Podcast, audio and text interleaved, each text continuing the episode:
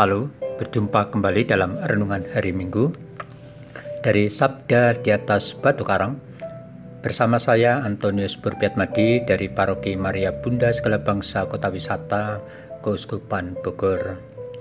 Renungan lengkap tertulis dapat saudara-saudari baca atau unduh dari laman warta paroki www.mabuseba.org. Hari ini Minggu tanggal 13 Maret adalah hari Minggu Prapaskah pekan kedua. Tema renungan kita hari ini bertransformasi ke transfigurasi beriman. Yang terinspirasi dari bacaan kitab suci hari ini, bacaan pertama diambil dari kitab Kejadian pasal 15 ayat 5 sampai dengan 12 dilanjutkan ayat 17 sampai dengan 18. Bacaan kedua diambil dari surat Rasul Paulus kepada jemaat di Filipi, pasal 3 ayat 17 sampai dengan pasal 4 ayat 1. Dan bacaan Injil suci dari Injil Lukas, pasal 9 ayat 28b sampai dengan 36. Mari kita siapkan hati kita untuk mendengarkan sabda Tuhan.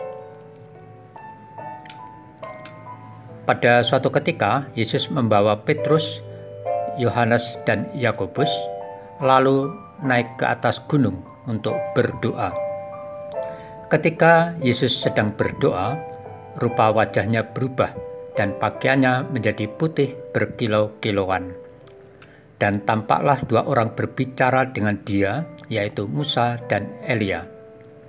Keduanya menampakkan diri dalam kemuliaan dan berbicara tentang tujuan kepergiannya yang akan digenapinya di Yerusalem. Sementara itu, Petrus dan teman-temannya telah tertidur, dan ketika mereka terbangun, mereka melihat Yesus dalam kemuliaannya, dan kedua orang yang berdiri di dekatnya itu. Dan ketika kedua orang itu hendak meninggalkan Yesus, Petrus berkata kepadanya, Guru, betapa bahagianya kami berada di tempat ini. Baiklah kami dirikan sekarang juga tiga kemah, yaitu satu untuk engkau, satu untuk Musa, dan satu untuk Elia. Tetapi Petrus tidak tahu apa yang dikatakannya itu. Sementara ia berkata demikian, datanglah awan menaungi mereka. Dan ketika mereka masuk ke dalam awan itu, takutlah mereka. Maka terdengarlah suara dari dalam awan itu yang berkata, Inilah anakku yang kupilih, dengarkanlah dia. Ketika suara itu terdengar, nampaklah Yesus tinggal seorang diri. Dan murid-murid itu merahasiakannya, dan pada masa itu mereka tidak menceritakan kepada siapa pun apa yang telah mereka lihat itu. Demikianlah Injil Tuhan. Terpujilah Kristus. Saudara-saudari yang terkasih, kita kadang saling sering berselisih paham, salah mengerti karena tidak mampu untuk mendengarkan orang lain. Dengan memiliki kemampuan mendengarkan, maka kita akan dimampukan untuk mengerti sehingga kita bisa bersikap atau bertindak. Demikian halnya dalam hidup beriman. Bacaan-bacaan kitab suci pada hari ini mengajak kita untuk memiliki kemampuan mendengarkan suatu kebenaran hidup beriman.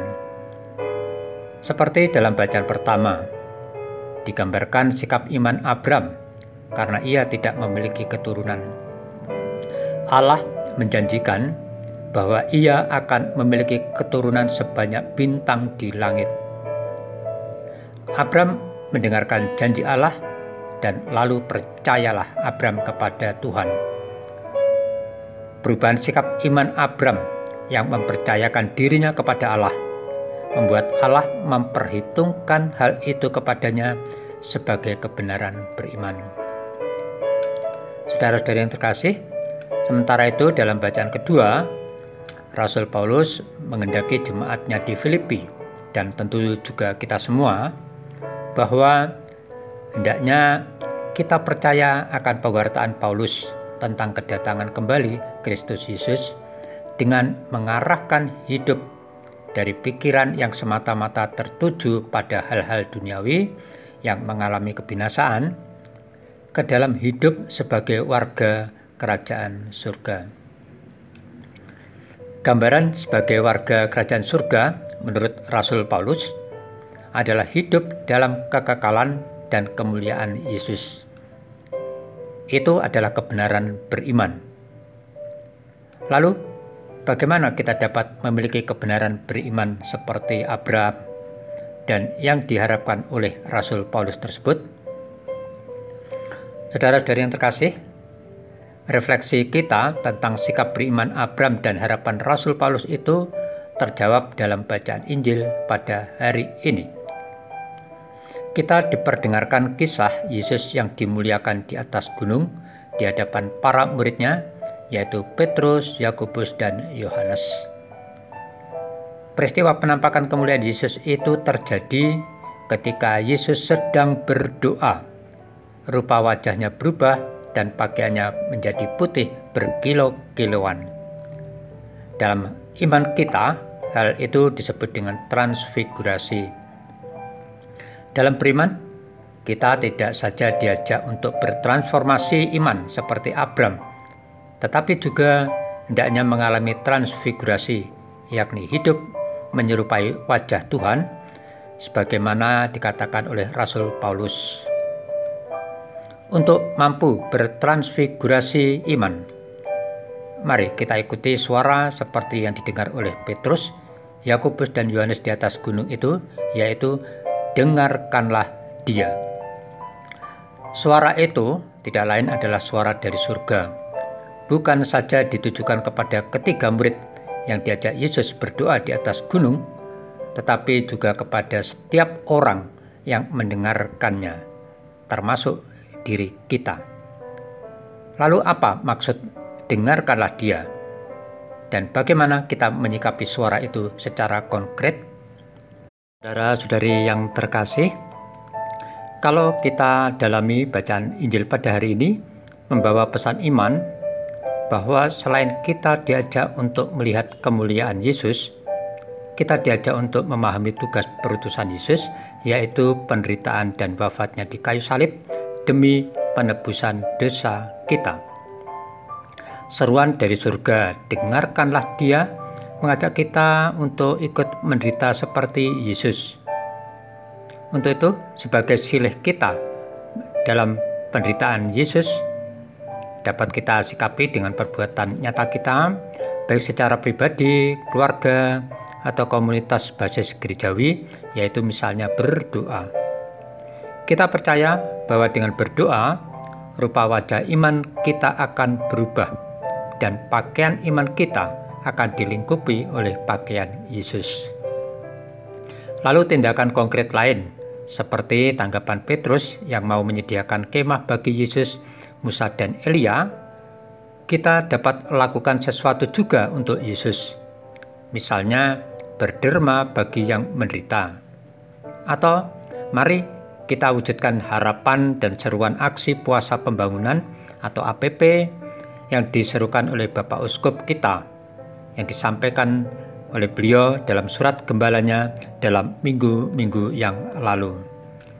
Saudara-saudari yang terkasih, semoga di masa Prapaskah ini kita mampu meningkatkan kualitas berdoa kita agar kita mengalami transfigurasi kemilauan wajah kemuliaan Yesus dalam diri kita dan juga mampu untuk bertransformasi dengan mendengarkan sabda Yesus.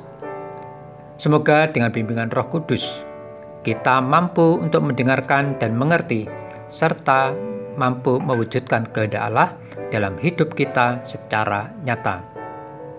Dengan demikian, kita tidak hanya akan mengalami transformasi beriman, tetapi juga bertransfigurasi hidup dalam Kristus Yesus. Amin. Semoga Tuhan memberkati kita dan selamat berhari Minggu.